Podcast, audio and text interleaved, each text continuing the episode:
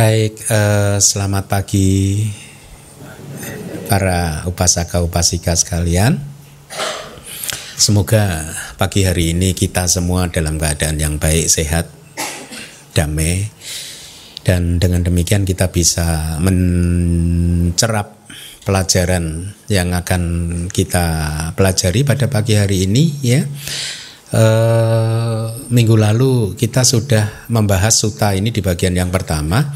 Saya berharap kelas kali ini akan menjadi bagian kedua atau bagian yang terakhir sehingga minggu depan kita bisa mempelajari suta yang baru lagi. Ya, dengan demikian sekarang pengetahuan tentang suta Anda sudah cukup banyak dan boleh dikatakan semuanya itu memiliki sumber referensi yang sangat kuat karena berdasarkan kitab komentar dan kitab subkomentar. Jadi seharusnya Anda bersyukur karena di dalam kehidupan ini akhirnya mendapatkan kesempatan untuk mengenal the timeless teaching. Kalau Anda sering membaca buku Dhamma berbahasa Inggris Dhamma sering dikatakan timeless ya meskipun timelessnya itu adalah uh, mengenai pencapaian maga pala begitu ya tapi uh, kita juga bisa mengartikan bahwa dhamma ini sesungguhnya akan uh, uh, apa selalu ada ya. Kapan pun di zaman apa pun dhamma ini selalu ada. Khusus ajaran dari Buddha Gautama ajaran yang ada di Tripitaka kita saat ini itu usianya sudah 2600 tahun ya 2500 2600 tahun. Dengan kata lain sesungguhnya ya ajaran ini tidak hilang sejak 200 2500 2600 tahun yang lalu. Artinya kalau kita dulu sempat lahir sebagai manusia dan sebagai murid Buddha harusnya kita sudah bertemu dengan Tripitaka. Iya nggak sih? Ya? Berarti harusnya kali ini udah hafal Anda. Nah, kok belum? Kok belum menguasai? Berarti apa dulu kalau di kelas yang lalu belajar ilmu yang tidak bermanfaat. Ada kan kelas yang lalu ya? Ilmu yang tidak bermanfaat itu sesungguhnya apa? Bangke. di kelas minggu lalu ada kan? Ya. Apa itu ilmu yang tidak bermanfaat? diputar lagi penjelasan di kelas minggu yang lalu ya. Nah, eh, saya akan minta petugas untuk membaca lagi, membaca ulang sutanya sekedar untuk menyegarkan ingatan kita semua ya, supaya tahu suta ini sebenarnya tentang apa gitu ya. Silakan, Ci Yulia. Brahmanatisa, padi-padian, biji-bijian yang berasal dari rumput, kacang-kacangan, rumput hijau, umbi dan labu, memakannya yang didapatkan dengan cara yang benar, menginginkan kepuasan indriawi, Orang-orang yang baik tidak berbicara bohong. Makan makanan yang telah dipersiapkan dengan baik, dibumbui dengan baik, diberikan oleh orang-orang lain, dipersembahkan dengan penuh hormat, makanan yang lesat, menikmati nasi terbaik. Kamu makan bangkai, wahai Kasapa. Kamu berkata, wahai kerabat dari Brahma, bangkai tidak pantas untukku. Akan tetapi kamu menikmati nasi terbaik, dihidangkan dengan baik bersama daging burung. Saya bertanya tentang hal ini kepadamu, wahai Kasapa. Apakah yang kamu anggap sebagai bangkai? Pembunuhan makhluk hidup, eksekusi, pemotongan, pengikatan, pencurian, perkataan bohong, ketidakjujuran dan penipuan, pelajaran yang tidak berguna, hidup bersama dengan istri orang lain, inilah bangkai bukan makanan daging. Orang-orang di sini tanpa pengendalian dalam hal kenikmatan indriawi, serakah dalam hal rasa, bercampur dengan ketidakmurnian, yang memegang pandangan nihilis, ketidakselarasan dan keras kepala, inilah bangkai, bukan makanan daging. Mereka yang kasar, keras, pemangsa punggung, pengkhianat teman, tidak mempunyai belas kasihan, arogan, pelit, tidak memberi kepada siapa pun. Inilah bangkai, bukan makanan daging. Kemarahan, keangkuhan, egois, perlawanan, kemunafikan, iri hati, dan membanggakan diri sendiri, sombong dan bergaul dengan orang yang tidak baik. Inilah bangkai, bukan makanan daging. Mereka yang berperilaku buruk, pengemplang hutang, pemfitnah, perkataan palsu, berpura-pura di sini, orang-orang busuk yang di sini melakukan perbuatan tercela, inilah bangkai, bukan makanan daging. Mereka yang di sini tidak terkendali terhadap makhluk hidup, mencuri dari orang lain, dan sibuk menganiaya orang lain, tidak bermoral dan kejam, kasar, tidak bertata krama. Inilah bangkai, bukan makanan daging. Mereka yang serakah berkaitan dengan ini, menebar permusuhan, pelanggar, selalu berusaha yang menuju ke kegelapan. Setelah kematian, makhluk-makhluk yang kepalanya jatuh pertama-tama di neraka. Inilah bangkai, bukan makanan daging. Bukan ikan atau daging, bukan berpuasa, bukan kebugilan, bukan kepala gundul, bukan rambut beranyam, kotor atau berpakaian dari kulit yang kasar, bukan praktik kurban api atau banyak bertapa banyak pertapa di dunia yang bertujuan mencapai kelanggengan, nyanyian mantra, persembahan, kurban, dan pertobatan musiman menyucikan manusia yang belum melampaui keraguan.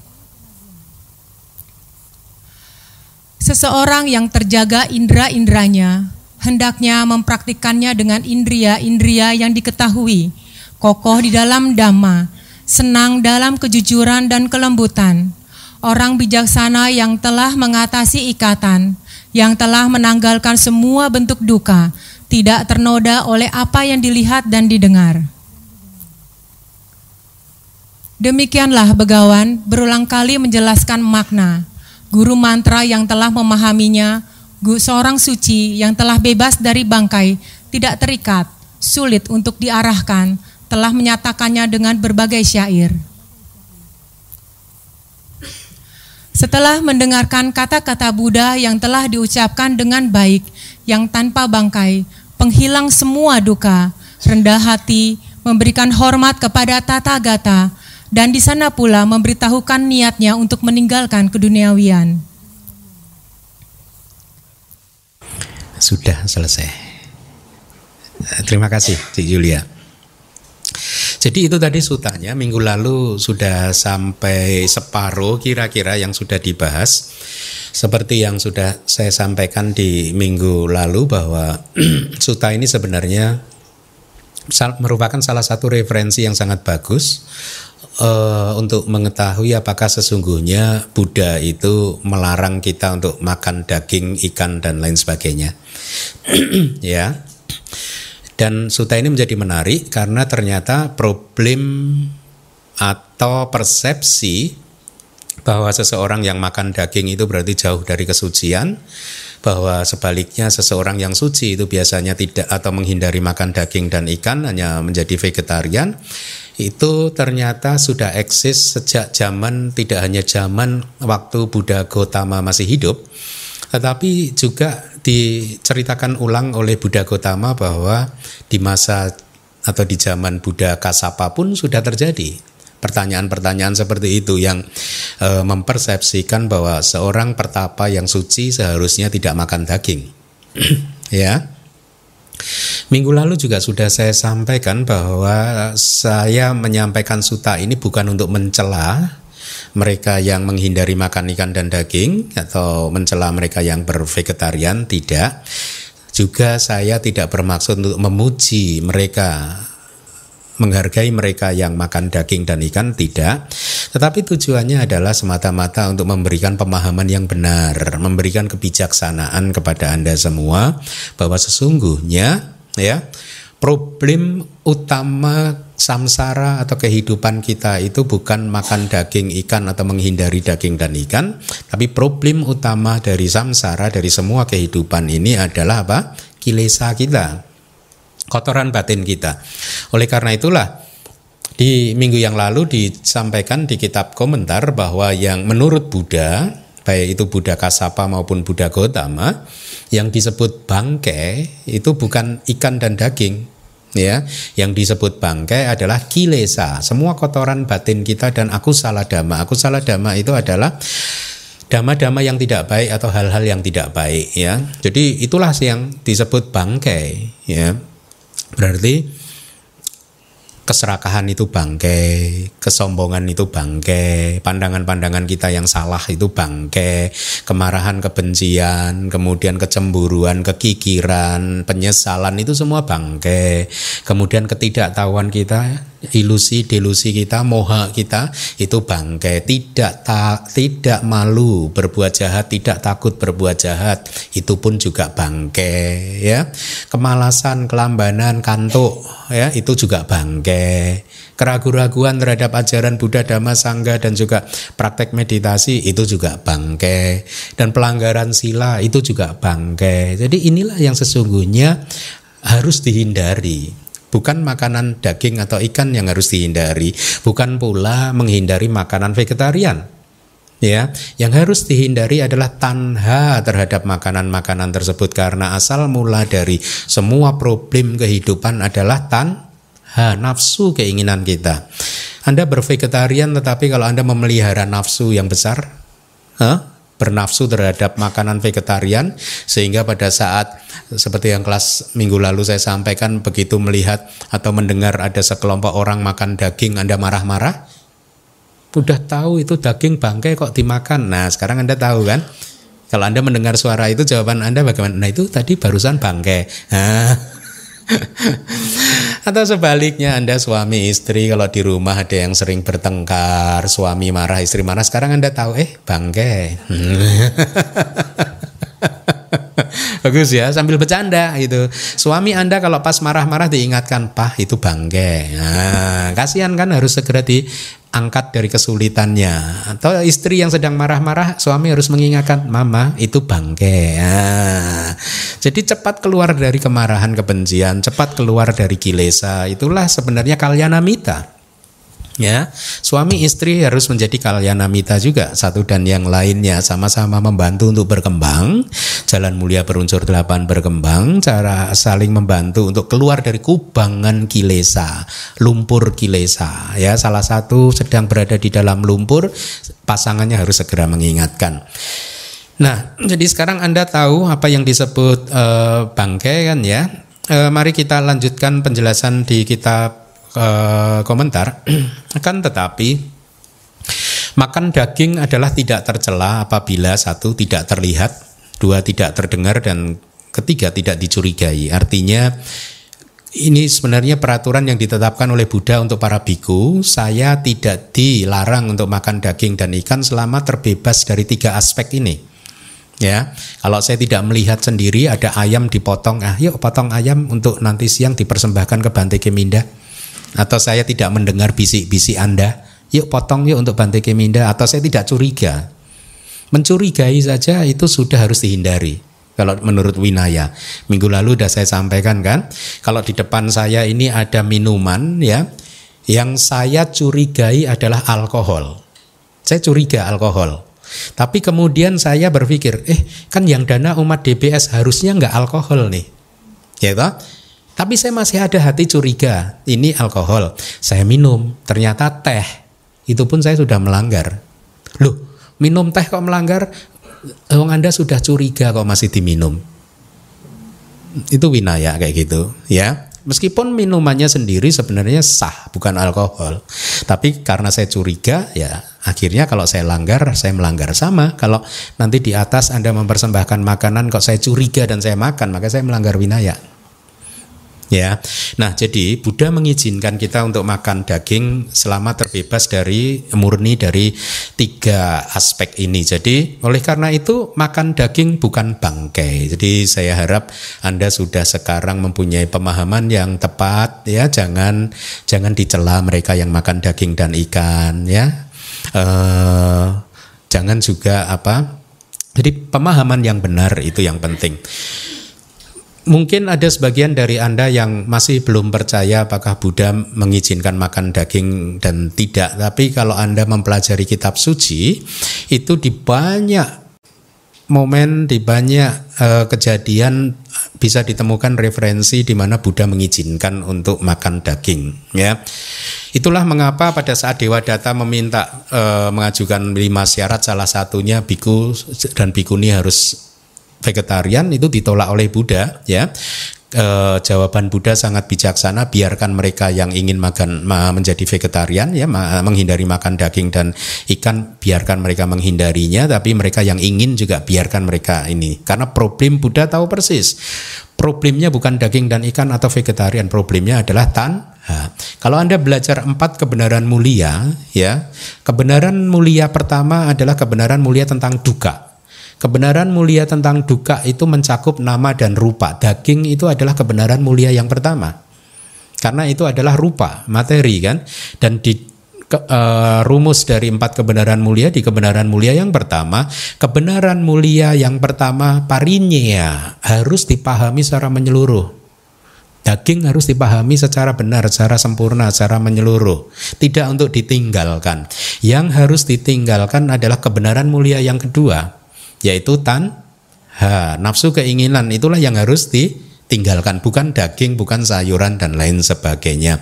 Nah karena biku dan bikuni itu jaya gaya hidupnya kan seperti yang anda ketahui kami tidak diperbolehkan untuk mempersiapkan makanan sendiri tidak diperbolehkan untuk masak makanan sendiri ya.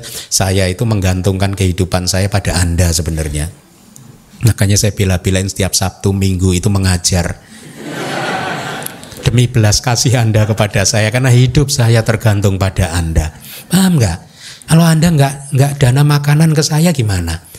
Demi makanan itulah saya mengajar sampai benar. nah kalau di negara Buddhis kami harus berpindah patah. Ya setiap setiap hari para biku harus berpindah patah. Nah di dalam pindah patah menjadi tidak bijaksana kalau kemudian ditentukan makanan harus daging atau ikan. Hmm? Berarti kan saya jadi ya, sangga jadi merepotkan umat kan? Kalau bisa samcan terus loh ya. Nah, kan nggak bagus ya. Nanti kalau kita kan pindah patah kan dari rumah ke rumah kan, jalan gitu, begitu di depan rumah seseorang sudah uh, satu keluarga udah di depan membawa mangkok kita lirik dulu, samcan bukan ya. Kalau bukan samcan terus ah cuekin aja, sorry ya gitu. Nggak boleh begitu apa pun yang dapat kita terima. Kenapa? Kita menghargai cinta kasih dari umat yang ingin berdana dan juga sebaliknya. Nah, lebih jauh lagi, kita memberi kesempatan kepada umat untuk berbuat kebajikan. Itulah sangga. Menyediakan diri sebagai ladang. Anda berbuat kebajikan dengan memasukkan makanan ke patah apa pun jangan khawatir. Semampu Anda. Tapi kalau nggak enak awas. Bukan begitu. Jadi intinya kembali lagi poinnya akan menjadi sangat tidak bijaksana kalau Buddha kemudian memastikan harus daging, harus ikan, harus samcan atau harus vegetables, harus sayuran. Enggak enggak bijaksana karena sesuai kemampuan umat sesuai kemampuan umat ya. Saya mengatakan seperti ini bukan berarti mau pilih-pilih karena di dalam perjalanan kebikuan saya saya sudah mempraktekkan itu selama 15 tahun terakhir ini.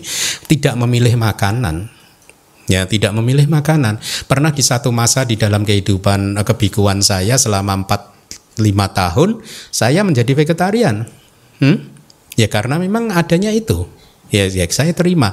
Dalam satu masa praktek di Myanmar selama satu wasa pun saya pernah juga karena mempraktekkan vegetarian yaitu saya terima. Tidak ada keluhan, tidak ada komplain, ya tidak ada juga pikiran umat nih kok nggak tahu diri sih.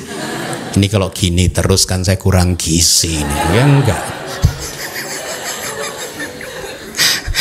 Jadi makanan apa pun harus kita terima dengan rasa bersyukur ya bahwa kita hari ini mendapatkan makanan bukan untuk menggemukkan badan dan seterusnya tapi semata-mata untuk menanggulangi rasa lapar dan juga tidak untuk menciptakan problem baru yaitu kekenyangan sehingga seperti apa gajah yang berguling-guling itu eh, apa manusia yang tertimpa gajah nggak bisa bangun dari tempat makannya dan seterusnya ya. Makan semata-mata supaya saya bisa mempertahankan kehidupan saya sehingga saya bisa melanjutkan kehidupan suci ini. Itu saja tujuannya ya. Nah di Winaya Pitaka banyak contoh, misalkan cerita tentang seorang jenderal yang bernama Siha. Siha itu singa, jenderal. terkenal di masa Buddha. Kenapa? Karena jenderal besar dan jenderal ini adalah salah satu dayaka supporter dari kelompok Jain. Jain itu kelompok spiritual di zaman Buddha yang di istilahnya nabinya penemu ajarannya adalah Niganta Nata, Nata Puta ya Eh, Jenderal uh, Siha tadinya pendukung dari kelompok lain, kelompok spiritual lain. Ya seperti yang anda ketahui di zaman Buddha Gotama itu ada enam guru spiritual yang sama-sama terkenalnya di zaman Buddha. Ya hebat ya. India pada waktu itu ya di dalam sejarah modern uh, eh, 2500 tahun 2600 tahun yang lalu berada dalam masa keemasan karena banyak tokoh-tokoh spiritual yang kontemporer dengan Buddha Gotama terkenal semuanya. Bahkan sampai hari ini beberapa dari mereka dari enam golo enam aliran ini masih eksis di India. Ya, jadi India itu sangat sangat spiritual uh, sejarahnya. Nah, Jenderal Siha adalah supporter atau dayaka donatur besar dari kelompok Jain, ya murid-muridnya Niganta Nata Puta.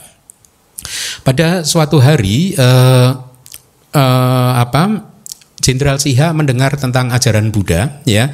Singkat cerita karena ketertarikannya dengan ajaran akhirnya beliau ini berlindung pada Tiratana. Ya, jadi menjadi murid Buddha artinya ya.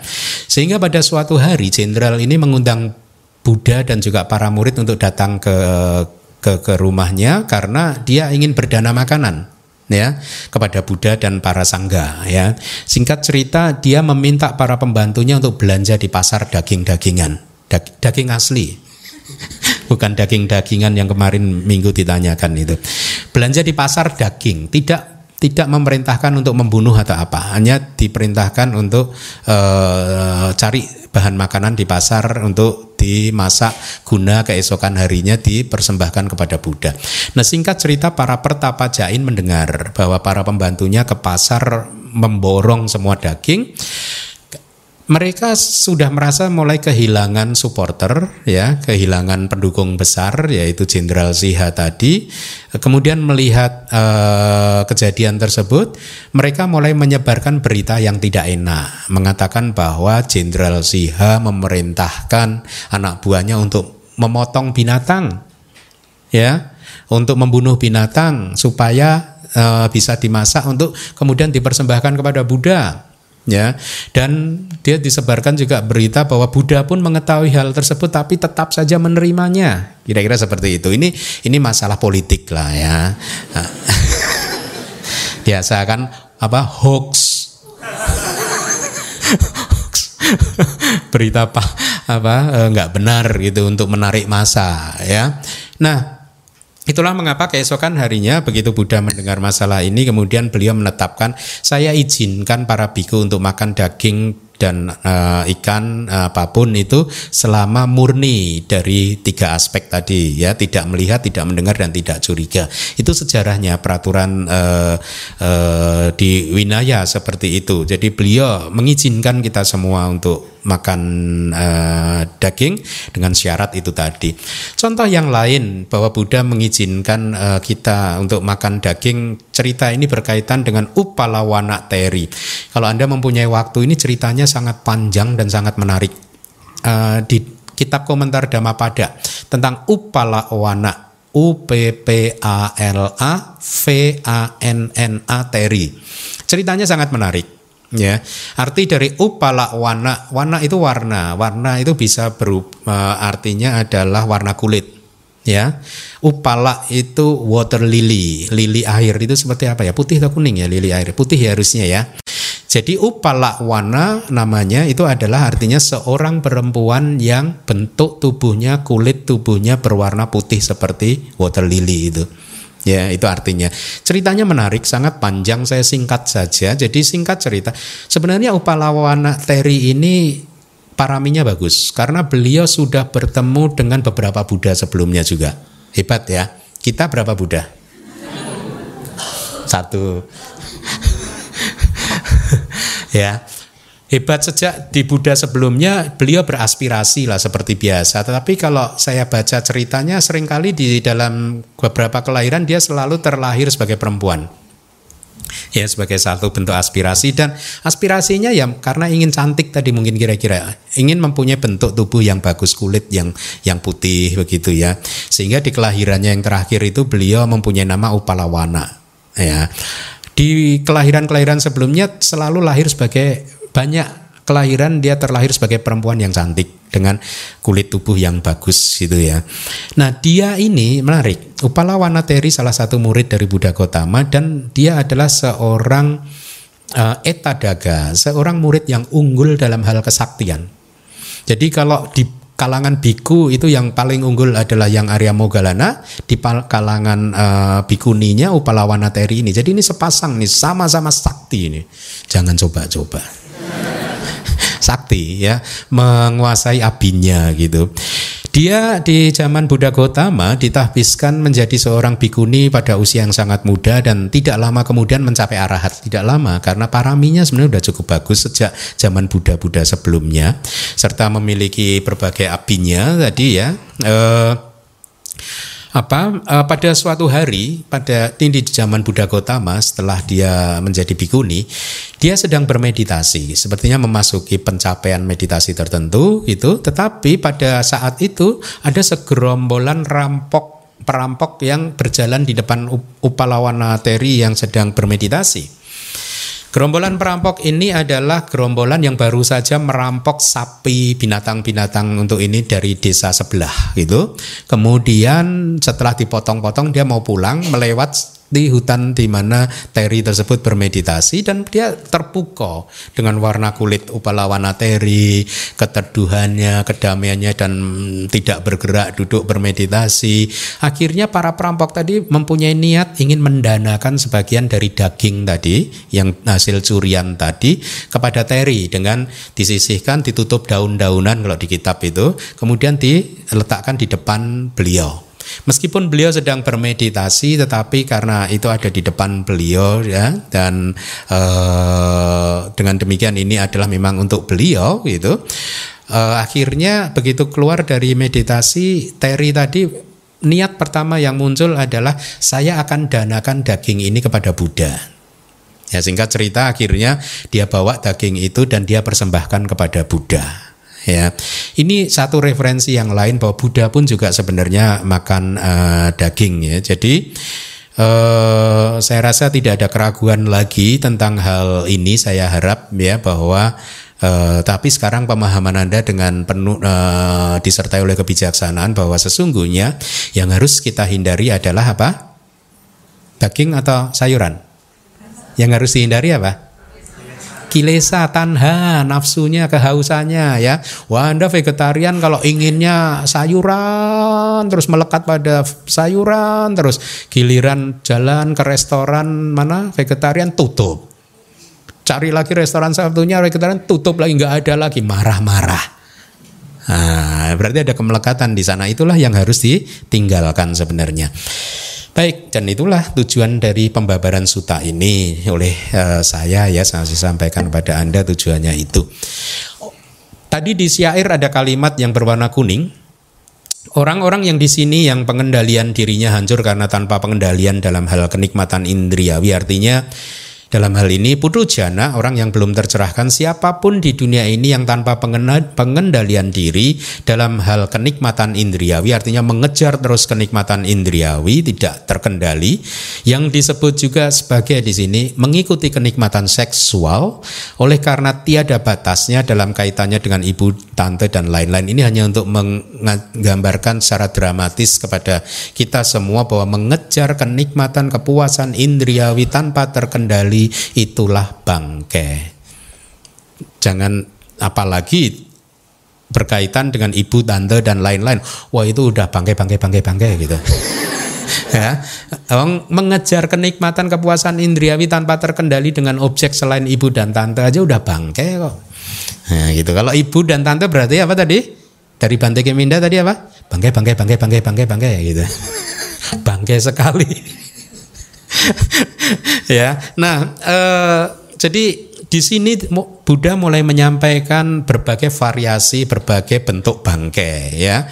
Uh, setelah menjelaskan tentang bangkai melalui ajaran berdasarkan kualitas hati seseorang di syair sebelumnya, sekarang oleh karena jenis bangkai itu berbeda-beda untuk berbagai macam makhluk ya. Jadi meskipun berbagai macam manusia, meskipun belum tentu semua makhluk atau semua manusia mempunyai semua jenis bangkai yang tadi disebutkan di syair bisa kita masing-masing masih mempunyai bangkai mungkin satu dua atau atau atau bisa juga semua ya tapi artinya semua manusia memiliki bangkainya sendiri-sendiri gitu ya.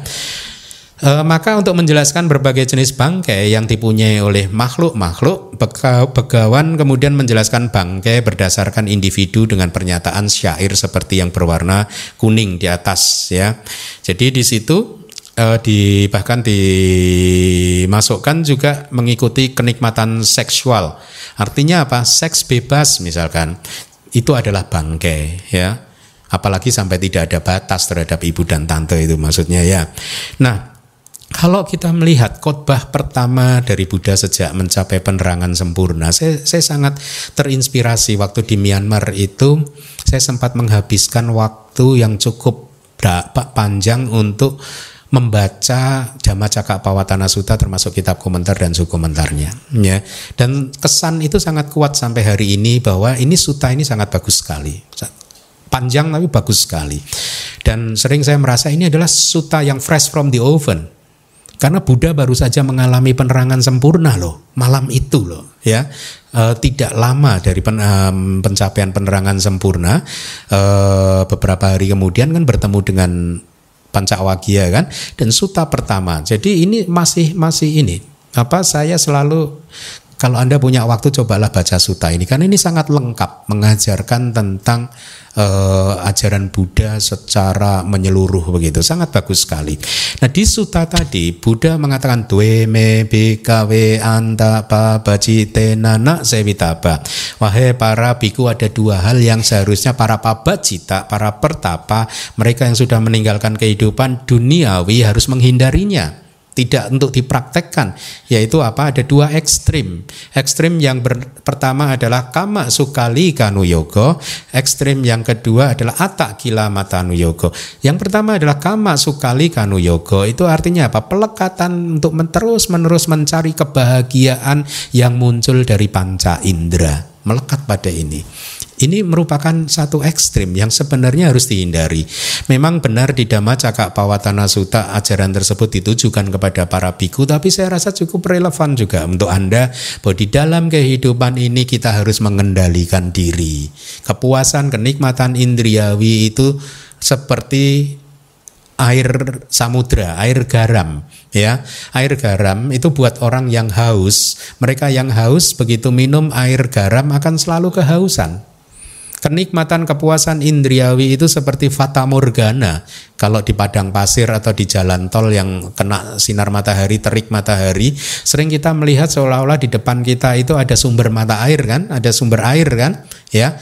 Tapi fata morgana semakin didekati semakin dia menjauh dan kita tidak akan pernah bisa mendapatkan air tersebut. Itulah sifat dari kenikmatan indriawi, kepuasan indriawi yang tidak akan pernah bisa memuaskan kita.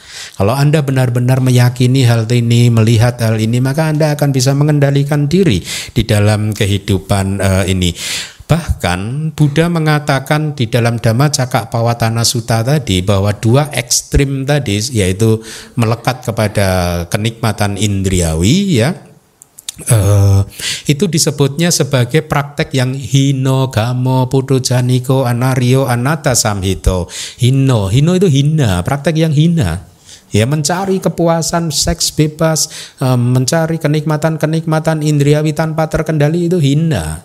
Hina gamo, gamo, gama itu desa. Itu itu kelakuannya orang maaf ya, kelakuannya orang desa gitu. Itu itu di suta itu seperti itu. Ini tentu gambaran dari Buddha untuk menyampaikan bahwa itu kelak apa perilaku yang kurang baik, kurang berbudaya begitu ya. Saya tidak mengatakan orang desa seperti itu, tapi itu istilah yang ada di zaman Buddha dulu, hinogamo ya. Hinogamo podo janiko, podo ini adalah praktek dari orang kebanyakan. Ya, putu janika. Salah satu arti dari putu janika itu kan orang kebanyakan kan. ya kemudian hino kamu putu janiku anari ya bu, nggak mulia bukan praktek yang mulia gitu ya. An ata sang hita artinya apa? Tidak berkaitan dengan tujuan kita sesungguhnya. Yang terakhir itu coba anda resapi bahwa mengejar kepuasan indriawi adalah an ata sang hita. Anata sang hita. Tidak berkaitan dengan tujuan kita hidup sesungguhnya. Tujuan kita hidup bukan itu Ya, tujuan kita hidup adalah sesungguhnya melepaskan diri, belajar untuk melepaskan diri dari keterikatan kita terhadap kepuasan-kepuasan indriawi. Nah, walaupun sudah dijelaskan Buddha seperti itu, di zaman Buddha ada saja moga purisa. Moga purisa itu adalah moga kosong, orang yang percuma, useless, nggak bermanfaat, gitu. Orang yang bodoh sama saja moga purisa. Nah, moga purisa atau orang bodoh ini yang mengajarkan hal yang berbeda mengatakan bahwa menurut dia mengejar kenikmatan indriawi uh, uh, kenikmatan seksual itu bukanlah penghalang untuk kemajuan spiritual ya yang yang tidak terkendali ya dia mengatakan nggak apa-apa itu bukan penghalang gitu itulah mengapa kemudian Buddha menegur beliau dan muncullah suta yang terkenal yaitu perumpamaan tentang ular memegang ular anda pernah dengar nggak suta ini? Seseorang yang menangkap ular, kalau dia menangkapnya dengan cara yang salah, yang dipegang adalah ekornya, maka kepalanya akan berbalik, akan menggigit dia. Belajar dhamma juga seperti itu. Kalau salah memahaminya juga akan mematok kita sendiri, membuat kita sendiri menderita. Ya, nah oleh karena itulah kembali lagi untuk menghindari kesalahan-kesalahan seperti itu sangat bagus kalau kita belajar kitab suci dan kitab-kitab komentarnya ya sehingga eh, kepastian bahwa ini berasal dari guru-guru di masa lalu itu cukup eh, terjaga gitu. Nah, jadi Tentu saja kalau sebagai umat karena pilihan Anda adalah berbeda dengan biku, Anda diberi kelonggaran untuk mengejar kenikmatan-kenikmatan indriawi tetapi Anda harus juga tahu batas-batasnya ya. Khusus misalkan tentang mengejar apa tadi seks bebas gitu. E, ada di dalam ajaran Buddha disebutkan objek-objek yang terlarang wilayah yang terlarang ya. Saya rasa di buku karma saya sudah menyampaikan itu wilayah terlarang buku saya tentang kama pusaran kelahiran dan kematian kembali yang tanpa awal itu ada ya. E, silahkan dibaca di sana. Selanjutnya ada hal serakah dalam hal rasa, artinya serakah dalam hal rasa yang dikenali melalui lidah, artinya rasa-rasa makanan, minuman atau apa pun ya, termasuk juga serakah dalam hal rasa itu perokok yang tidak bisa uh, bebas dari kebiasaan merokoknya, karena dia juga itu ada rasa tanha bahasa palinya, nafs apa kehausan terhadap rasa ya. Menikmati rasa-rasa yang mengikat dia yang membuatnya tergila-gila pada makanan yang mencengkeramnya. Dia adalah seseorang yang tidak melihat bahaya dan tidak mempunyai kebijaksanaan yang berkaitan dengan pembebasan diri mereka sendiri dari keterikatan terhadap rasa-rasa tersebut. Ya. Kalau Anda ingin memahami karakteristik dari rasa lidah Anda sering kan lidah ini menjadi sumber malapetaka kan? Hmm? ya mereka yang mulai kolesterol, diabetes, itu karena lidahnya itu tidak terkendali gitu. Salah satu sebabnya selain genetikal ya. E, ceramah yang bagus untuk mengendalikan rasa itu ada di YouTube. Ceramah saya tentang apa? Empat butir durian Coba dengarkan lagi empat butir durian untuk memahami bagaimana sih sifat dari nafsu keinginan Anda itu ya. Ada itu di YouTube empat butir durian. Saya tidak akan menguraikannya di sini ya. Uh, di ceramah tentang Kama Suta juga saya menyampaikan bahaya dari kenikmatan indriawi. Ada Buddha menyampaikan ada dua bahaya kan? Bahaya yang tampak dan bahaya yang tidak tampak. Bahaya yang tampak adalah percekcokan, pertengkaran, hukuman dari e, pemerintah misalkan ya atau mungkin dikena fitnah ya dan lain sebagainya. Itu bahaya yang tampak. Hmm? Tidak bisa tidur karena overdosis misalkan ya. Bahaya yang tidak tampak apa? Nafsu-nafsu itu tadi tidak lain dan tidak bukan adalah energi yang kalau berbuah akan bisa memunculkan kelahiran kita di alam bawah. Itu tidak tampak. Semua kilesa kita mempunyai bahaya yang tidak tampak. Kalau dia berbuah satu hari nanti menjadikan uh, kelahiran yang baru, kilesa tidak akan pernah membuat kita terlahir di alam yang baik. Kilesa akan memunculkan kelahiran di alam yang tidak baik ya jadi itulah bahaya yang tidak tampak ya. Mari kita lanjutkan. Bercampur dengan ketidakmurnian artinya bercampur dengan ketidakmurnian adalah merupakan sebutan untuk berbagai macam penghidupan yang salah ya. Mitca ajiwa. Penghidupan yang salah adalah bermata pencaharian yang melanggar sila bermata pencaharian yang melanggar perbuatan tubuh yang tidak baik dan ucapan yang tidak baik ya. Dan seterusnya eh,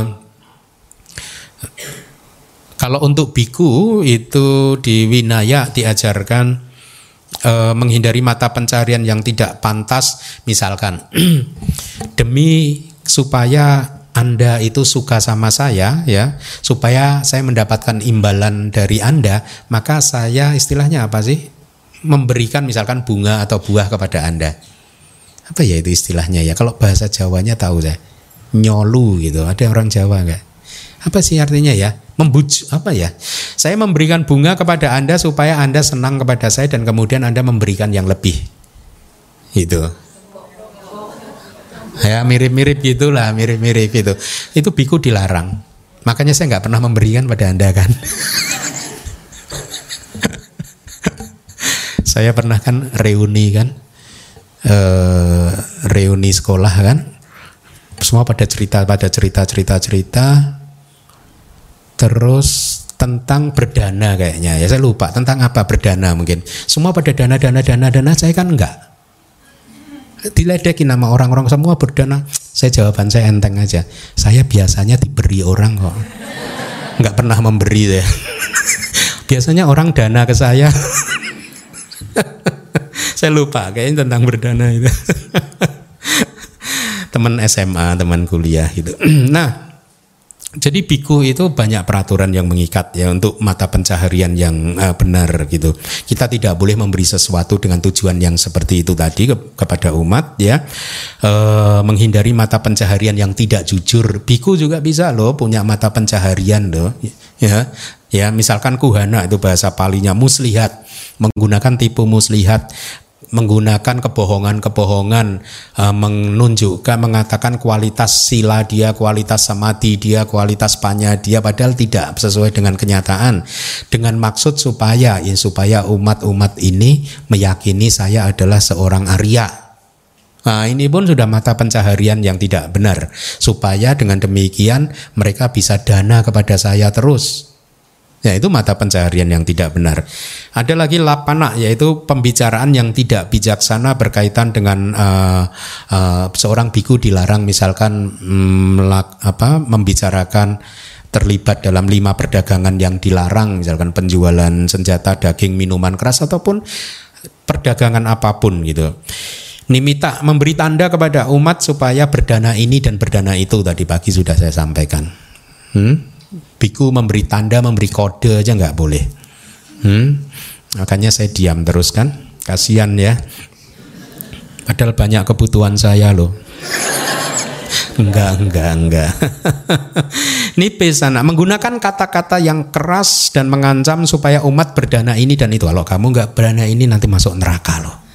Nah, itu nggak boleh. Itu juga mata pencaharian yang salah buat biku. Labina labani cigi sana artinya memberikan hadiah yang murah untuk mendapatkan hadiah yang lebih besar sebagai timbal baliknya dari umat atau menghindari seni-seni binatang uh, tiracana. Ya, seni binatang, seni rendahan. Artinya apa itu? Meramal. Biku dilarang meramal. Dengan melihat tanda tubuh misalkan oh kalau telinganya begini berarti hokinya gede gitu. Enggak, enggak boleh. Kita enggak boleh meramal atau meramal melihat apa? garis tangan seseorang itu ya itu berlawanan dengan praktek seorang biku itu ya menghindari diri dari segala uh, apa eh, penghidupan yang salah seperti itu, maka biku sebaliknya harus mengembangkan penghidupan yang benar.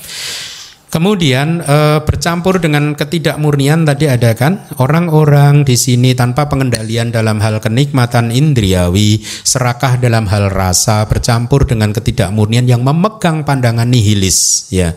Pandangan nihilis itu adalah pandangan yang meng, seseorang yang meyakini satu pandangan bahwa tidak ada apa-apa gitu.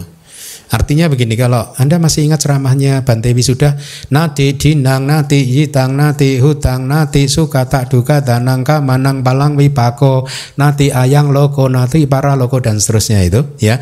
Nati dinang tidak ada apa pun yang didanakan Artinya tidak ada buah dari berdana Nati yitang juga itu semacam tidak ada uh, per, mahadana, persembahan yang besar, pengorbanan yang besar tidak ada manfaatnya, tidak perlu.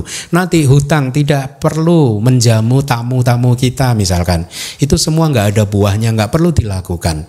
Nanti suka tak duka tanang kaman nang palang wipako tidak ada buah ataupun hasil dari perbuatan baik dan perbuatan tidak baik. Jadi nggak usah melakukan apa-apa itu nihilis itu kayak begitu. Nanti ayang loko tidak ada dunia ini. Artinya apa? Ini merujuk kepada seseorang yang makhluk yang hidup di dunia lain. Berapa itu dunia lain? Katakanlah di dunia surga, ya. Kemudian di alam sana dia mengatakan nggak ada dunia di sini itu nggak ada. Yang ada ya di sana saja, ya. Nati loko, nati paro loko, tidak ada dunia lain juga. Artinya apa? Seorang manusia ada di sini kemudian berpeng, pen, mempunyai pemahaman bahwa nggak ada dunia surga dan lain yang ada yang dunia manusia. Jadi sama hanya dari dua sudut pandang yang berbeda kan? Kalau tidak ada dunia ini itu dari sudut pandang dewa yang lahir di sana memandang alam kehidupan itu ya hanya itu, nggak ada di sini nggak ada. Uh, nati ayang loko gitu ya uh, tidak ada dunia ini. Nanti para loko tidak ada dunia lain. Seorang manusia yang meyakini kehidupan itu ya ada ya di alam manusia saja.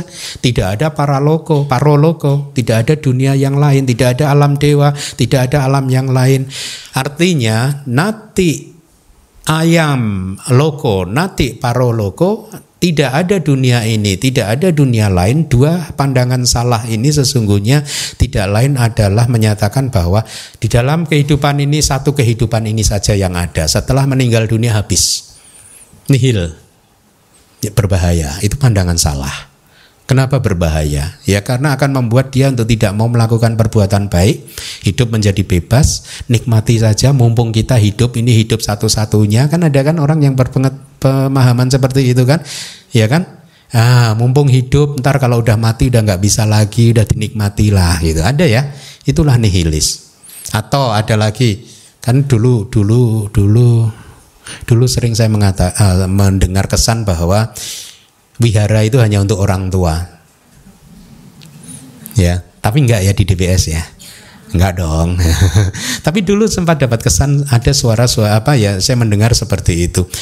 Wihara itu untuk orang tua, ya. Kalau orang muda ke wihara ntar lah kalau udah tua. Hah? baru ke wihara. Sekarang kan masih muda, dinikmati dulu kehidupannya. Nah itu hati-hati itu juga pandangan yang tidak benar juga. Ya, justru sejak muda kita harus ke wihara, belajar dhamma, berlatih dhamma. Gitu. Kemudian ada lagi nati opapatika, nati sata opapatika, tidak ada sesuatu yang muncul langsung besar dan seterusnya. Jadi itulah yang disebut pandangan nihilis yang mengatakan ada sepuluh dasak watuka mica didik sebenarnya. E, sepuluh hal yang berkaitan dengan pandangan salah. Tadi kalau anda hitung itu sepuluh ya. Nati dinang nati yitang nati hutang nati sukata dukata nangga manang palang wipako. Nati ayang loko nati para loko. Nati mata nati pita nati sata opa patika. Nati loke sama nabrahmana sama gata sama panas. 10 kan? Ya uh, jadi intinya uh, tidak mempercayai apa pun. Itu berbahaya itu yang dimaksud ya. Mari kita lanjutkan. Adanya ketidakselarasan yaitu artinya disertai dengan kama tubuh dan lain-lain yang tidak selaras. Artinya ada kan ya seseorang yang antara ucapan dan perbuatannya berbeda? Antara apa yang dipikirkan dan apa yang diucapkan berbeda yang dipikirkan ber, e, adalah mencari ini yang diucapkan berbeda tricky tricky penuh muslihat ya Kita tidak boleh menjadi orang yang seperti itu karena itu adalah bangke. Sekarang Anda tahu kan ya. Keras kepala juga bangke. Siapa yang keras kepala di sini? Hmm? Ya kalau nggak keras bahaya Bante. Seseorang yang sulit untuk diberi nasihat juga itu bangkai, memiliki pelekatan terhadap pandangannya sendiri itu juga merupakan bangkai, menggegamnya erat dan melepaskannya, melepaskannya dengan penuh kesulitan. Ini ciri orang keras kepala ini. Kalau dinasehati susah sekali. Ya? Orang tuanya harus keluar uratnya dulu di sini, baru akhirnya dilepas uh, pandangannya gitu. Anak-anak yang keras kepala kan juga begitu kan. Menutup pintu kebenaran, berbahaya orang yang keras kepala. yang melekat kepada teorinya sendiri, melekat pada pandangannya sendiri, melekat pada apa yang dia inginkan. Ya, kadang ada orang-orang yang mempunyai masalah di dalam kehidupannya, padahal sudah hampir tenggelam di dalam kehidupannya, tetapi sulit juga untuk ditolong. Nggak mau ditolong, kenapa? Karena dia hanya mau ditolong dengan cara seperti yang dia inginkan.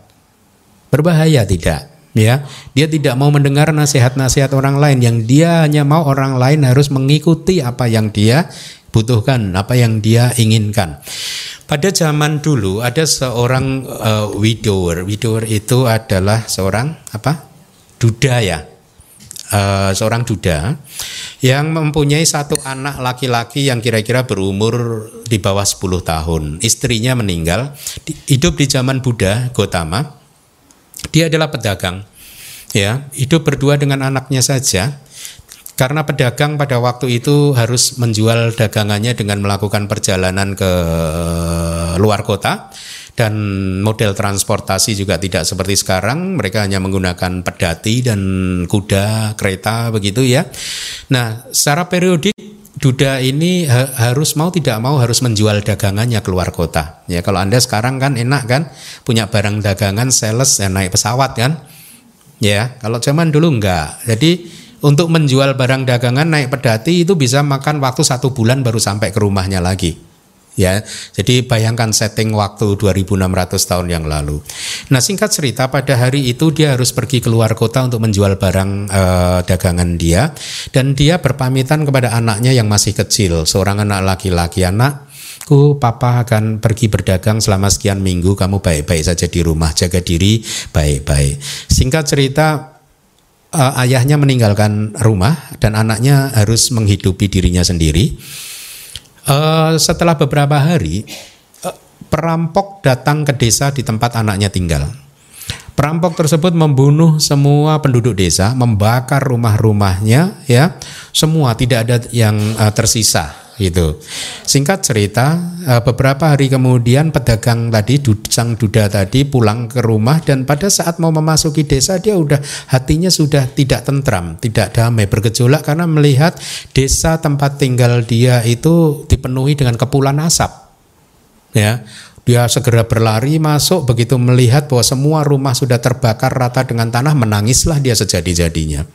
Dia segera berlari menuju ke rumah tempat tinggalnya dan pada saat melihat rumah tempat tinggalnya pun rata dengan tanah semakin lagi dia menangis sejadi-jadinya. Dia mengais-ngais sisa-sisa bakaran rumahnya untuk mencari anaknya gitu. Dicari mana ini anak uh, istilahnya apa abu atau tulang dari anak saya. Singkat cerita pada saat dia membongkar bangunan yang sedang uh, ber, apa uh, masih mengeluarkan asap panas itu, dia menemukan setumpukan tulang. Dia percaya bahwa tulang ini adalah tulang anaknya sehingga dia membuatkan satu belut kain beludru begitu untuk menyimpan tulang-tulang anaknya tadi. Dia percaya itu adalah tulang anaknya dan ke mana-mana dia bawa ya setiap kali dia melihat ini dia menangis. Singkat cerita akhirnya dia sudah berhasil membangun rumah kembali ya. Uh, tapi kesedihan dia terhadap anak yang sudah dianggapnya meninggal ini juga tidak hilang-hilang ya uh, kantong blutru tadi selalu bersama dengan tubuhnya. Jadi setiap kali dia kangen kepada anaknya dia lihat dan dia menangis, menangis, menangis. Sampai suatu hari pada suatu malam uh, di musim dingin di India sangat dingin. India itu kalau pas dingin dingin sekali juga ya uh, bisa minus juga. Sampai tahun saya tahun 2000 pernah hidup di sana itu di New Delhi itu bisa turun es juga kan kalau pas musim dingin ya e, di musim dingin ya tengah malam ya ayahnya tadi sedang masih menangis gitu. Teringat pada anaknya tiba-tiba di tengah malam itu ada suara mengetuk pintunya. Harusnya ada efek suara lagi ya. Deh deh. Kayak kemarin ya. Ini nggak ada nih efeknya nih. Ketuk ya. Tok tok tok tok tok gitu. Siapa itu dari luar terdengarlah suara anak kecil, "Papa, ini saya, tolong buka papa. Saya kedinginan." Si ayah dari dalam, "Enggak mungkin, anak saya udah meninggal, udah mati. Ini bahkan tulangnya itu masih saya pegang." "Enggak, papa, ini benar ini saya. Papa di luar dingin, tolong segera buka." Akhirnya terjadilah percakapan seperti itu dari dalam rumah dan dari luar rumah. Papanya sama sekali tidak mau membuka pintu rumah karena dia meyakini itu adalah anak kecil yang nakal saja. Kamu anak nakal mau menggoda saya. Udah tahu kesedihan saya belum hilang malah kamu sekarang malah mengingatkan saya pada dia. Pergi, pergi dari sini. Singkat cerita tidak juga dibuka pintu, anak kecil tadi karena tidak kuat menahan dingin akhirnya lari. Lari mencari uh, tempat uh, persembunyian yang lain. Ya, dan sejak hari itu ayah tadi nggak pernah bertemu dengan anak kecil itu tadi. Padahal sesungguhnya anak kecil itu adalah anaknya pada saat perampok datang ke desa, dia membunuh semua orang dewasa, tetapi selain anak kecil itu tadi, dia selamatkan, dia tahan, dia dikan tawanan, dia bawa ke kampung para para perampok. Nah singkat cerita malam hari itu dia berhasil meloloskan diri. Dia pulang ke rumah gitu, ingin bertemu dengan papahnya tapi papahnya nggak percaya. Ini satu cerita yang bagus untuk memberikan uh, data kepada kita betapa sering kali kita melekat kepada pandangan kita meyakini bahwa inilah yang benar, yang lain salah. Idam mewak sajang mogam anyam. Hanya ini saja yang benar, yang lain tidak benar, yang lain tidak salah. Ya. Padahal sesungguhnya bisa jadi yang ada di depan kita adalah kebenaran. Seperti papa tadi, yang ada di depan pintunya sesungguhnya adalah anaknya sendiri. Ya, oleh karena itu jangan menjadi orang yang keras kepala, yang melekat kepada pandangannya sendiri. Ada cerita insiden lain saya uh, bedanya insiden ini happy ending story. Pada saat Buddha setelah mengalami penerangan sempurna dan sedang menuju uh, ingin uh, akan bertemu dengan lima pertapa, sesungguhnya sebelum bertemu dengan lima pertapa di tengah jalan Buddha itu bertemu dengan seorang pemuda lain yang bernama Upaka. Ya, kalau saja upaka ini tidak menggenggam pada pandangannya sendiri, dia akan menjadi murid pertamanya Buddha, bukan lima pertapa. Jadi singkat cerita Buddha berjalan dari Gaya menuju ke eh, Taman Rusa ya untuk bertemu dengan lima pertapa. Di tengah jalan ada seorang pemuda yang bernama Upaka. Dia adalah kalau saya tidak salah adalah pertapa pengembara juga, ya. Sebenarnya dia sudah ada ketertarikan melihat bentuk tubuh Buddha yang bright gitu ya, yang uh, bercahaya. Sudah ada ada ketertarikan gitu ya. Dia sempat bertanya, "Kamu di bawah ajaran siapa?" dan lain sebagainya gitu. Uh, guru kamu siapa? Ditanya. Buddha menjawab, saya tidak punya guru. Saya adalah seorang sama Sam Buddha, seorang yang tercerahkan dengan usaha sendiri. Apa jawaban Upaka? Hmm, bagus, bagus, bagus, bagus. Bagus, bagus. Teruskan perjalananmu. Gitu. Itu ketemu cuman begitu aja. Padahal face to face dengan seorang sama Sam Buddha. Hmm, berhadap hadapan dengan seorang sama Sam Buddha. Gagal memanfaatkan kesempatan emas itu. Ya, kenapa? Karena melekat kepada teorinya sendiri, melekat pada pandangannya sendiri, keras kepala, masih ada bangkai di dia ya. Tapi ini happy ending story karena di kitab komentar dijelaskan bahwa Buddha sebenarnya sengaja melewati jalan itu untuk bisa bertatap muka dengan upaka karena tatap muka ini adalah menjadi kondisi penopang yang sangat kuat untuk pencerahan dia nanti. Singkat cerita beberapa nanti saya lupa bulan tahun gitu di zaman Buddha Gotama juga dia akhirnya mencapai uh, kesucian. Jadi hanya bertemu itu bisa menjadi kondisi. Ya. Uh, makanya kalau Anda bertemu dengan orang suci, manfaatkan itu sebaik-baiknya untuk berhadapan dengan uh, beliau dengan penuh sadar dan semua pikiran yang baik karena dia akan menjadi kondisi penopang yang sangat kuat untuk pencapaian kesucian Anda gitu. Nah, itu adalah keras kepala. Kita lihat itulah tadi bangkai. Jadi hendaknya dipahami seperti yang telah disampaikan sebelumnya, bukan makan daging. Makan daging itu bukan makan bangkai ya. Selanjutnya, makanan daging bukanlah bangkai dalam arti seperti yang telah dijelaskan. Di sekarang Anda paham bahwa Buddha mengizinkan makan ikan dan daging selama terbebas dari tiga hal Sebaliknya, eh, di setiap kesempatan Buddha juga sering mengajarkan kita untuk segera berjuang menghancurkan kilesa. Yang sesungguhnya itu adalah bangkai yang sesungguhnya. Praktek atau perilaku yang tidak baik seperti pembunuhan makhluk hidup dan lain-lain adalah bangkai ya. Karena berbau busuk ya seperti bangkai ikan berbau busuk seperti bangkai jenazah di kelas minggu lalu sudah saya sampaikan kan. Apa alasannya? Karena perbuatan buruk tersebut itu perbuatan yang tidak menyenangkan ya. Bercampur dengan kilesa. Semua perbuatan buruk itu bercampur dengan kilesa dan oleh karena itulah batin kita tidak bersih. Kalau anda marah-marah batin anda itu kotor. Itulah bangkai ya kotor karena orang yang bermoral akan menghindari semua perbuatan yang tidak baik dan karena membawa ke keadaan yang amat sangat busuk maka kilesa-kilesa itu disebut sebagai bangkai bahkan di kelas minggu lalu disampaikan makhluk yang penuh dengan kilesa itu baunya sangat menyengat kan? Ya e, kalau dia meninggal dunia ya itu berbau. Sedangkan makhluk suci kalau meninggal dunia itu katanya tidak berbau harusnya saya nggak boleh mengatakan ini nih. Jangan-jangan nanti saya meninggal dunia berbau ini. nah Anda ingat wah Bante bangke ini Bante ini. huh? Saya nanti kalau meninggal dunia jangan dikremasi Anda ah. Biar Anda nggak tahu saya bau atau enggak. ya e, minggu lalu itu sudah ada seorang yang tanpa kilesa itu meninggal dunia tanpa bau. Mereka yang kasar, perilaku kasar adalah juga bangke, tidak punya rasa, artinya adalah mereka yang mempraktekkan penyiksaan diri, gitu. Artinya apa?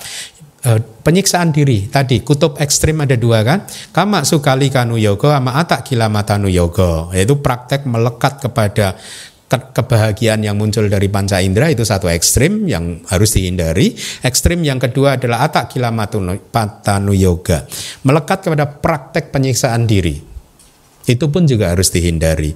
Dulu pada waktu saya belum sekolah keluar, waktu masih sering bertapa di salah satu hutan di Jawa Timur, saya menyaksikan kawan pertapa yang sama-sama bertapa dengan saya itu berlatih puasa 40 hari ya.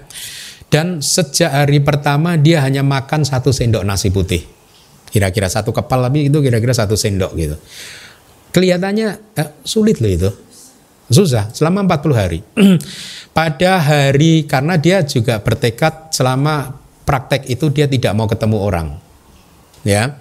Sehingga selama 40 hari itu saya tidak tidak berkunjung ke tempat pertapaan dia. Kami sama-sama tinggal di satu hutan. Saya di ujung sini, dia di ujung sana. Uh, hari ke-40 di mana dia sudah selesai praktek uh, melatih itu tadi ya, itu kira-kira uh, hampir jam 10 jam 11 malam kalau saya tidak salah ingat malam itu saya menyeberangi hutan. Karena dia di ujung benar-benar di ujung sana saya di ujung sini. Tengah malam tanpa center saya jalan hanya ingin bertemu dengan dia. Ingin melihat keadaan dia. Pada saat melihat keadaan dia saya melihat dia sudah nggak bisa apa-apa. Ya nggak bisa bangun nggak bisa bercakap-cakap ya katanya waktu uh, belakangan hari setelah dia cukup kuat dia bisa bercakap-cakap dia mengatakan katanya semua kayaknya udara itu mau meledak dari tubuhnya itu ingin keluar semua gitu. Itu eh, dia banyak bercerita tentang pengalamannya gitu. Jadi dia katanya melihat ini melihat itu melihat neraka melihat itu itulah makhluk-makhluk yang aneh-aneh itulah ya. Tapi intinya kalau menurut saya sekarang dia tidak menemukan apa yang dia cari praktek penyiksaan diri tersebut ternyata sia-sia saja. Makanya Buddha benar mengajarkan jalan tengah itu benar gitu ya. Nah, eh, Kemudian kasar itu merujuk pada sifat kepala batu, tidak mau mendengarkan nah, nasihat orang lain, ya eh, keras ya itu masuk kita udah bahas tadi. Uh, ya saya ada sedikit catatan. Banyak manusia sedemikian keras kepalanya sehingga dia menghabiskan uh, seluruh hidupnya tidak mau mendengar nasihat orang lain dia seperti seolah-olah menjalankan kehidupannya dengan autopilot. Tet gitu jalan sendiri gitu.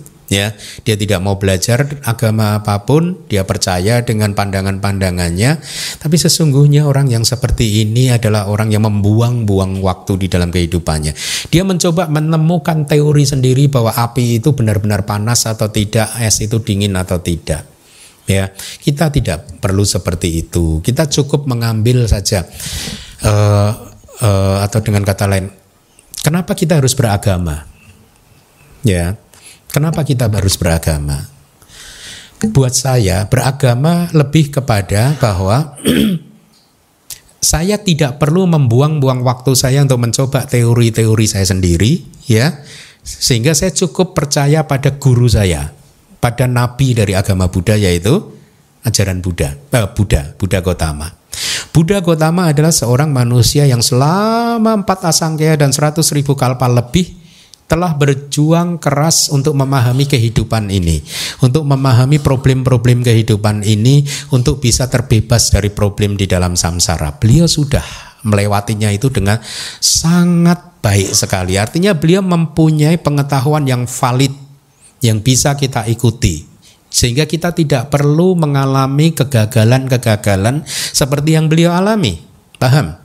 Ya. Nah, beragama lebih buat saya pribadi itu seperti itu. Kita tidak perlu membuang-buang waktu kita untuk mengulangi kesalahan-kesalahan yang sudah pernah dilakukan oleh misalkan Buddha Gotama. Buddha Gotama pernah melakukan kesalahan dua ekstrim tadi, sehingga kita tidak perlu mengikutinya. Kita tidak perlu coba-coba sendiri. Ya, jadi agama anda apa pun itu ya, saya tahu di sini juga tidak hanya yang beragama Buddha, ada yang agama beragama lain ya. Agama uh, adalah buat kita semua, buat saya adalah uh, uh, uh, kita ingin mencontoh the founder of our religion istilahnya nabi dari agama kita ini, agama kita masing-masing ya. Dengan demikian kita tidak perlu membuang-buang waktu kita untuk sesuatu yang harusnya bisa kita pergunakan untuk sesuatu yang lebih baik. Ya, jadi itulah dengan demikian kita tidak uh, kita bisa terhindar juga dari sifat keras kepala kita. Bangkai yang lain adalah pemangsa punggung, seseorang yang mencela ketika wajah orang yang dicela menoleh. Ini perumpamaan saja. Pemangsa punggung itu kayak backbiting gitu loh. Ya. Jadi kalau nggak ada orangnya dijelek-jelekin. Ntar kalau orangnya tiba-tiba datang di depan, oh kamu baik sekali ya. Gitu. Tapi begitu orangnya menoleh kita cerita yang tidak baik itu bangke ya. Hal ini karena mereka menikam dari belakang tidak mampu untuk melihat berhadap-hadapan ya. Akan tetapi ketika orang tersebut menoleh mereka seolah memakan daging punggung dari orang tersebut. Ya ini ini masalah apa sih bahasa Indonesianya jadinya? Hmm? Bahasa Jawa tahu lagi saya ngerasani gitu. bahasa Indonesianya ngomongin kejelekan orang di belakang orangnya gitu.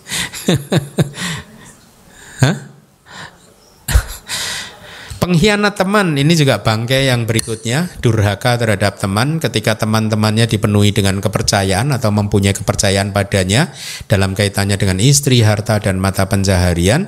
Sehubungan dengan hal tersebut, pengkhianat teman melakukan hal yang eh, berkhianat terhadap persahabatan yang sudah dijalin atau menyelewengkan kepercayaan yang sudah diberikan oleh teman atau sahabat kita. Itu pun juga bangkai tidak mempunyai belas kasihan, tidak mempunyai karuna, mengharapkan makhluk-makhluk celaka. Oh, semoga bisnis kamu hancur. Oh, itu itu bangke. Ya, itu kan mengharapkan makhluk lain celaka ya. Arogan saya rasa juga uh, jelas ya. Di syair ada pelit itu juga bangke ya. uh, alternatif lain ya kayak tadi tidak memberi, tidak mau memberi kepada siapa pun ya karena kikir meskipun diminta mereka tidak akan memberikan apa pun kepada orang lain. Mereka sebenarnya sedang menuju ke kelahiran sebagai peta yang terbakar oleh nafsu keinginan.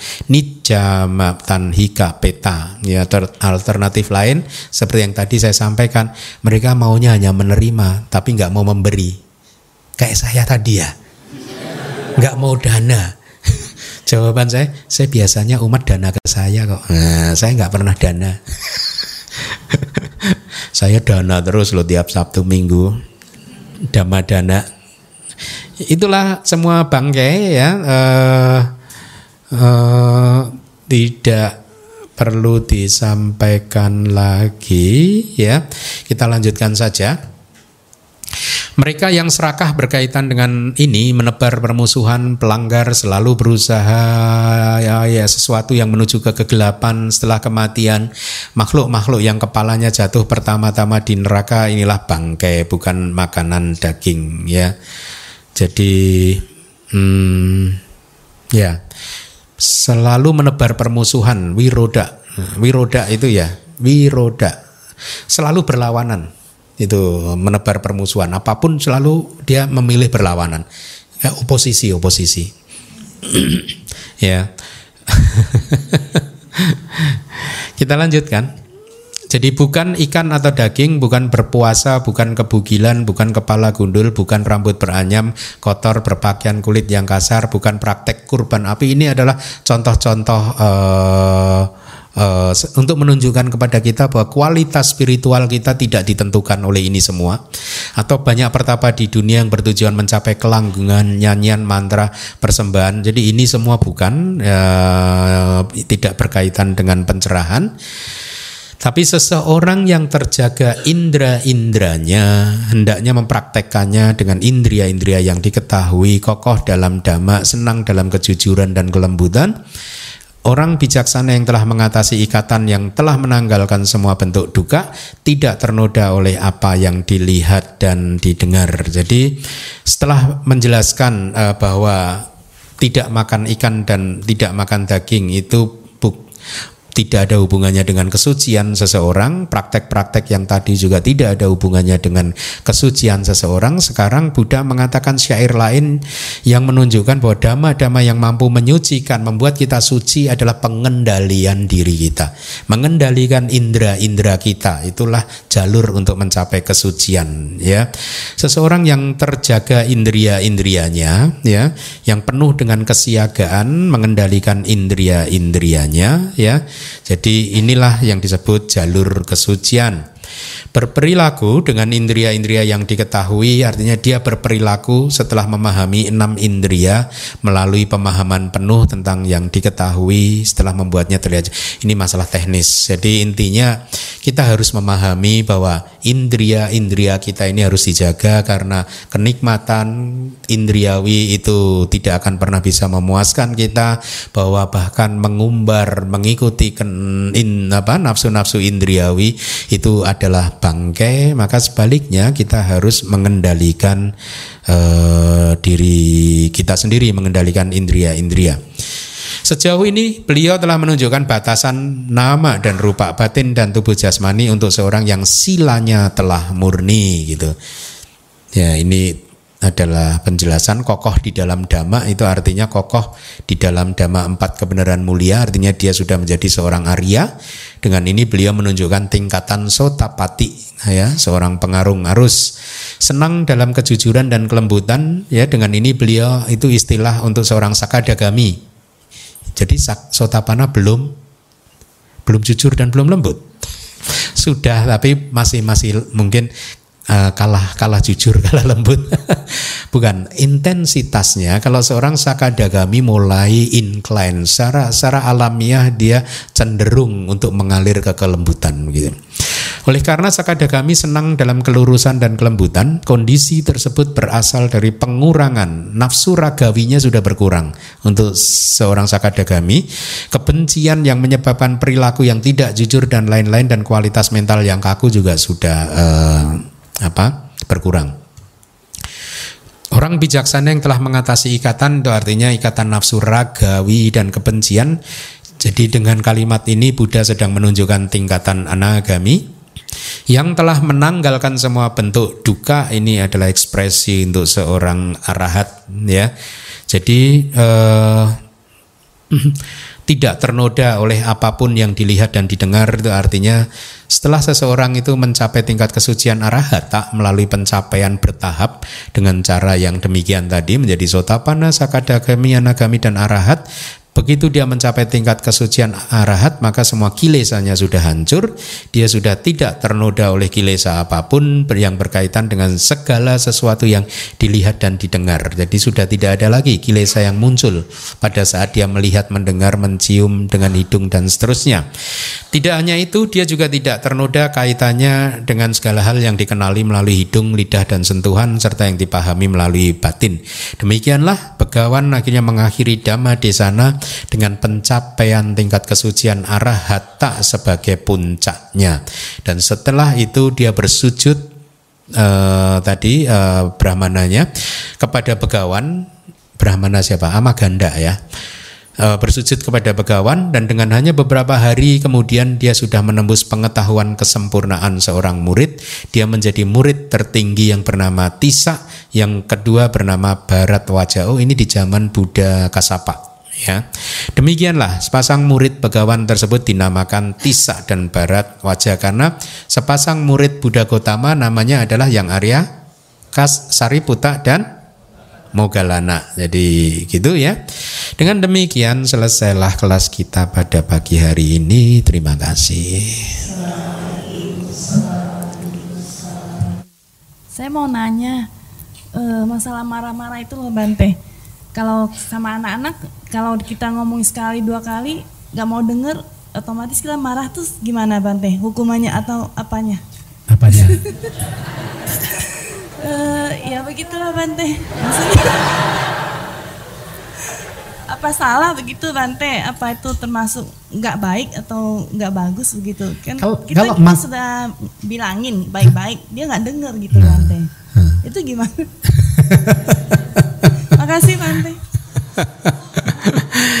Kalau memang pada saat itu emosi keluar muncak dan Anda nggak sadar bahwa itu adalah kata-kata yang menyakitkan dia, membuat hatinya sakit, telinganya merah, ya itu tidak baik. Itu yang namanya dosa mula cita. Ya, pikiran yang bermaksud untuk tanpa Anda sadari Anda ingin menghancurkan dia. Ya, minimal menghancurkan kedamaian dia, menghancurkan kebahagiaan dia gitu.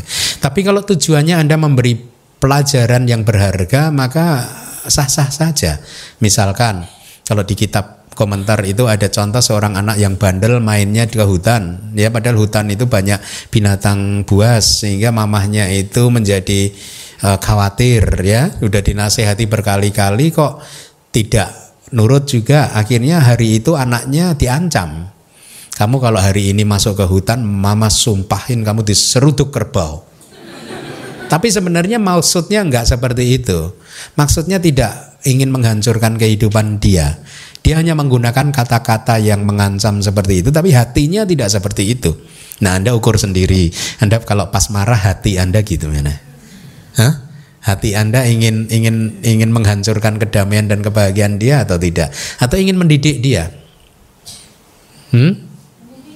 Ya kalau tapi uh, lebih baik dicek terus hatinya. Kalau pada saat itu benar-benar marah ya, tidak ingin melihat dia ini gitu, apalagi kalau dia sampai menangis itu udah jelas kita sudah menghancurkan kedamaian dia kan. Ya, maka itu harus dihindari. Dicek aja hatinya gitu. Kalau dengan contoh yang tadi sih nggak apa-apa. Seorang ibu memberikan ancaman yang seperti itu, tapi hatinya tidak.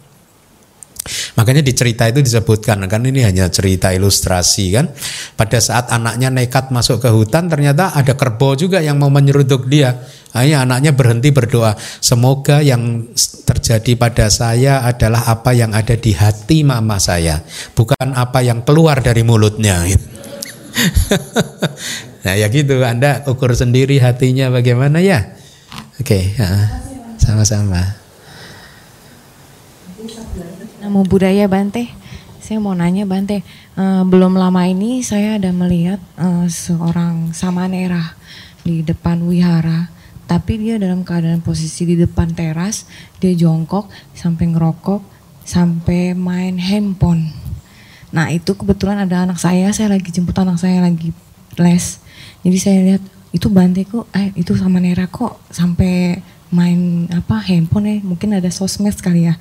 Terus kata anak saya, Iya Mi, itu sampai ngerokok juga dia bilang. Hah? Saya liatin lagi. Oh ya udahlah, udah pergi-pergi aja gitu saya bilang. Terus itu menurut uh, dalam ajaran agama Buddha, Buddha apakah itu melanggar ya Bante? Dan satu pertanyaan lagi Bante, bagaimana menyikapi yang perkembangan zaman sekarang sering terlihat seorang apa Bante gadungan, gadungan di jalanan yang minta-minta tapi dia kepalanya botak juga pakai baju. Gundul. Pakai baju kayak apa jubah gitu. Minta-minta ke toko-toko gitu. Terima kasih Bante. Ya yang pertama adalah ya kalau merokok sih seharusnya jangan ya. Itu kan tadi disebutkan rasa tanha tadi di ceramah udah disebutkan kan. Itu adalah nafsu terhadap rasa melekat kepada rasa gitu ya eh memang ya saya tidak memungkiri bahwa apa yang Anda lihat itu memang realitas untuk beberapa ya saya juga tahu gitu. Tapi eh, jadi itu untuk rokok ya itu seharusnya sih dihindari. Tapi untuk sosmed karena zaman udah seperti ini sih. Hmm?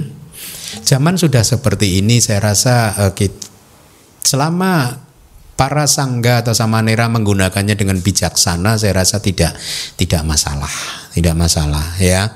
Gunakanlah saja dengan bijaksana kan zaman berubah ya. Tidak sama dengan situasi 2600 tahun yang lalu ya. Jadi kriteria apa parameternya berbeda ya. E, tapi walaupun demikian tetap harus digunakan dengan cara yang bijaksana.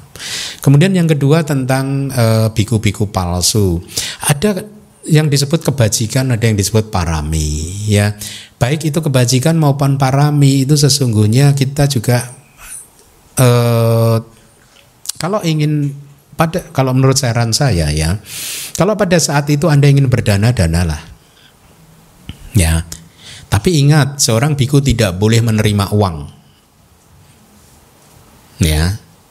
Seorang biku tidak boleh menerima uang tidak boleh mempunyai kepemilikan. Itu itu winaya. Kalau anda mendorong dia melanggar sila maka anda melakukan perbuatan yang tidak baik. Contoh anda dana kepada saya uang. Itu kan mirip-mirip dengan pada anda pernah atas sila nggak? 8 sila. Malam nggak makan. Atau yang lain ya. Anda umat perumah tangga kan kadang atas sila kan? Ya mempraktekkan delapan sila berarti tidak makan setelah tengah hari kan? Ya berarti sejak tengah hari sampai besok matahari terbit anda nggak makan. Kalau tiba-tiba malam-malam saya datang kepada anda dan saya memberikan makanan kepada anda ayo dimakan gitu. Saya bijaksana? Tidak. Artinya saya mendorong anda untuk melanggar sila. Perbuatan baik? Tidak. Tidak kan? Biku tidak boleh menerima uang kalau kemudian Anda datang kepada saya memberi uang, Anda mendorong saya untuk melanggar sila. Ya, itu mirip ilustrasinya mirip sehingga berdanalah sesuatu yang e, diizinkan oleh e, winaya ya. Kalau itu sebelum tengah hari Anda boleh berdana makanan ya. Kalau lebih dari tengah hari mungkin Anda berdana minuman ya atau bunga ya. Saya yakin ya kalau benar kan kita nggak tahu itu biku palsu atau tidak ya kan? Saya yakin kalau Anda semua umat di seluruh Indonesia setiap ketemu biku yang itu danalah bunga. Lama-lama nggak ada yang palsu nanti. Nah, salah Anda, Anda dana uang kok. Huh? Ah, kerja susah. saya saya tidak mengatakan itu palsu benar, tapi nanti kan biku palsunya itu wah, repot di Indonesia dapatnya bunga ya gitu gitu.